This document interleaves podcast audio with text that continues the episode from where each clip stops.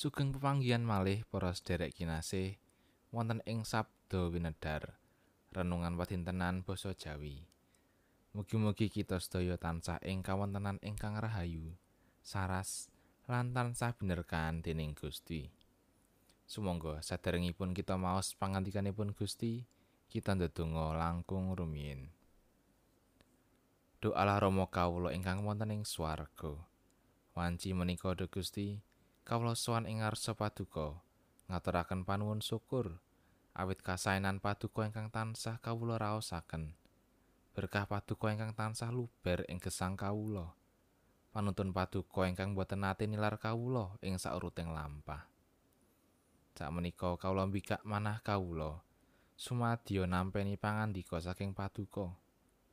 Mugi paduka kersa ngagem kawula dados utusan paduka mbabaraken tresna wonten ing donya. Mugi paduka piyambak ingkang nyegetaken kawula. Matur nuwun Gusti. Sedaya dosa lan kelepatan kawula, mugi Gusti ugi kersa ngapunteni.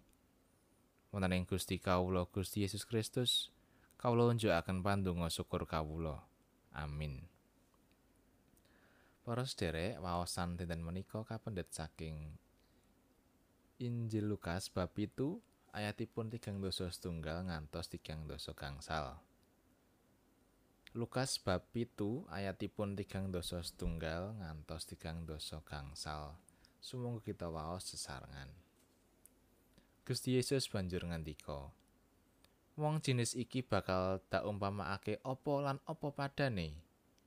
Wong-wong iku upamane kaya bocah-bocah kang linggih ana ing pasar lan kang padha ngucap saur-sauran. Kowe wis padha dak sulingi kok ora joget. Aku wis padha ngidungake kidung pangaduh, kowe kok ora nangis. Marga saka tekane Nabi Yohanes Pembaptis iku ora mangan roti sarta ngombe anggur. Kowe banjur celatu. Iku wong kepanjingan demit. Sawise iku putraning manungsa rawuh. Panjenengane dahar lan ngunjuk. Kowe banjur celatu. Delengen. Iku rak wong grangsangan lan kerem anggur. Kancane para juru mupu beya lan wong dosa. Nanging kawicaksananing Allah iku kabenerake dening sake wong kang padha nampani. Mangkatan pangandikanipun Gusti ayat nat saking ayat tigang dosa gangsal. Nanging kawicaksananing Allah iku kabenerake dening saking wong kang padha nampani. Dadosa tinarbuka. Mangkaten ira-irahan renungan dinten menika. Nalika Yohanes membaptis rawuh lan nglampahi cara gesang asketis kanthi nenepi lan cegah dahar saperangan tetedan mirungganipun boten roti lan anggur, tiang-tiang Yahudi mliginipun tiang Farisi sami nganggep bilih piyambakipun menika tiang ingkang kepanjingan iblis mila kedah dipun singkiri. Dene nalika Gusti Yesus rawuh lan kersa kembul bujana sesarengan kalian sedaya tiang kalebet juru mupu beya lan tiang dosa sanesipun tiang-tiang Farisi sami nganggep panjenenganipun minangka tiang ingkang dremba lan remen omben-omben Mila Gusti Yesus lajeng paring pasemon bab lare-lare ingkang sami lelungguan ing peken lan sami dene alok. Aku kabeh wis ngunekake suling kanggo sliramu. Nanging sliramu ora padha gelem jejogetan. Aku kabeh wis ngidungake kidung kesedihan, nanging sliramu ora padha nangis. Lare-lare menika nggambaraken tiang-tiang Farisi ingkang boten saged nampeni rawuhipun Yohanes Pembaptis lan Gusti Yesus.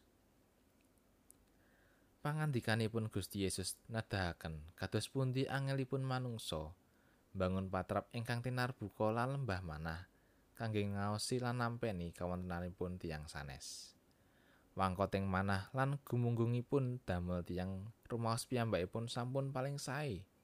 Dene ingkang tiyang sanes ingkang beda kalian piyambakipun menika lepat lan awon.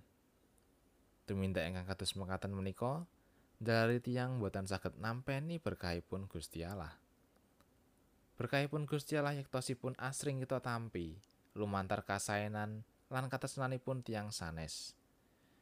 Nanging emanipun namung awit tiang sanes punika beda golongan, agami, lan ideologinipun. kita mboten saged tinarbuka dhateng kasaenanipun. Sampun wonten menganggep bilih sedaya ingkang pinangkanipun saking tiyang ingkang beda menika awon. Menawi mekaten lajeng badhe kados pundi anggenipun karukunan lan katentreman badhe saged mawujud? Mila sumangga bangun patrap gesang ingkang tinarbuka. Amin.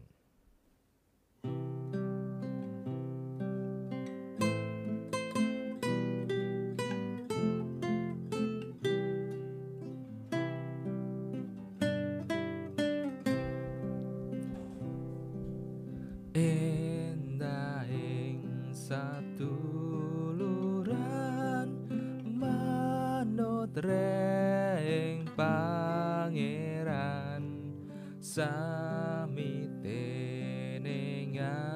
Jenny Wambi Antoni Natian Beto Agomo Wabeto Golonganyo Tunggal Rosso Pambekan Berikan manungsa.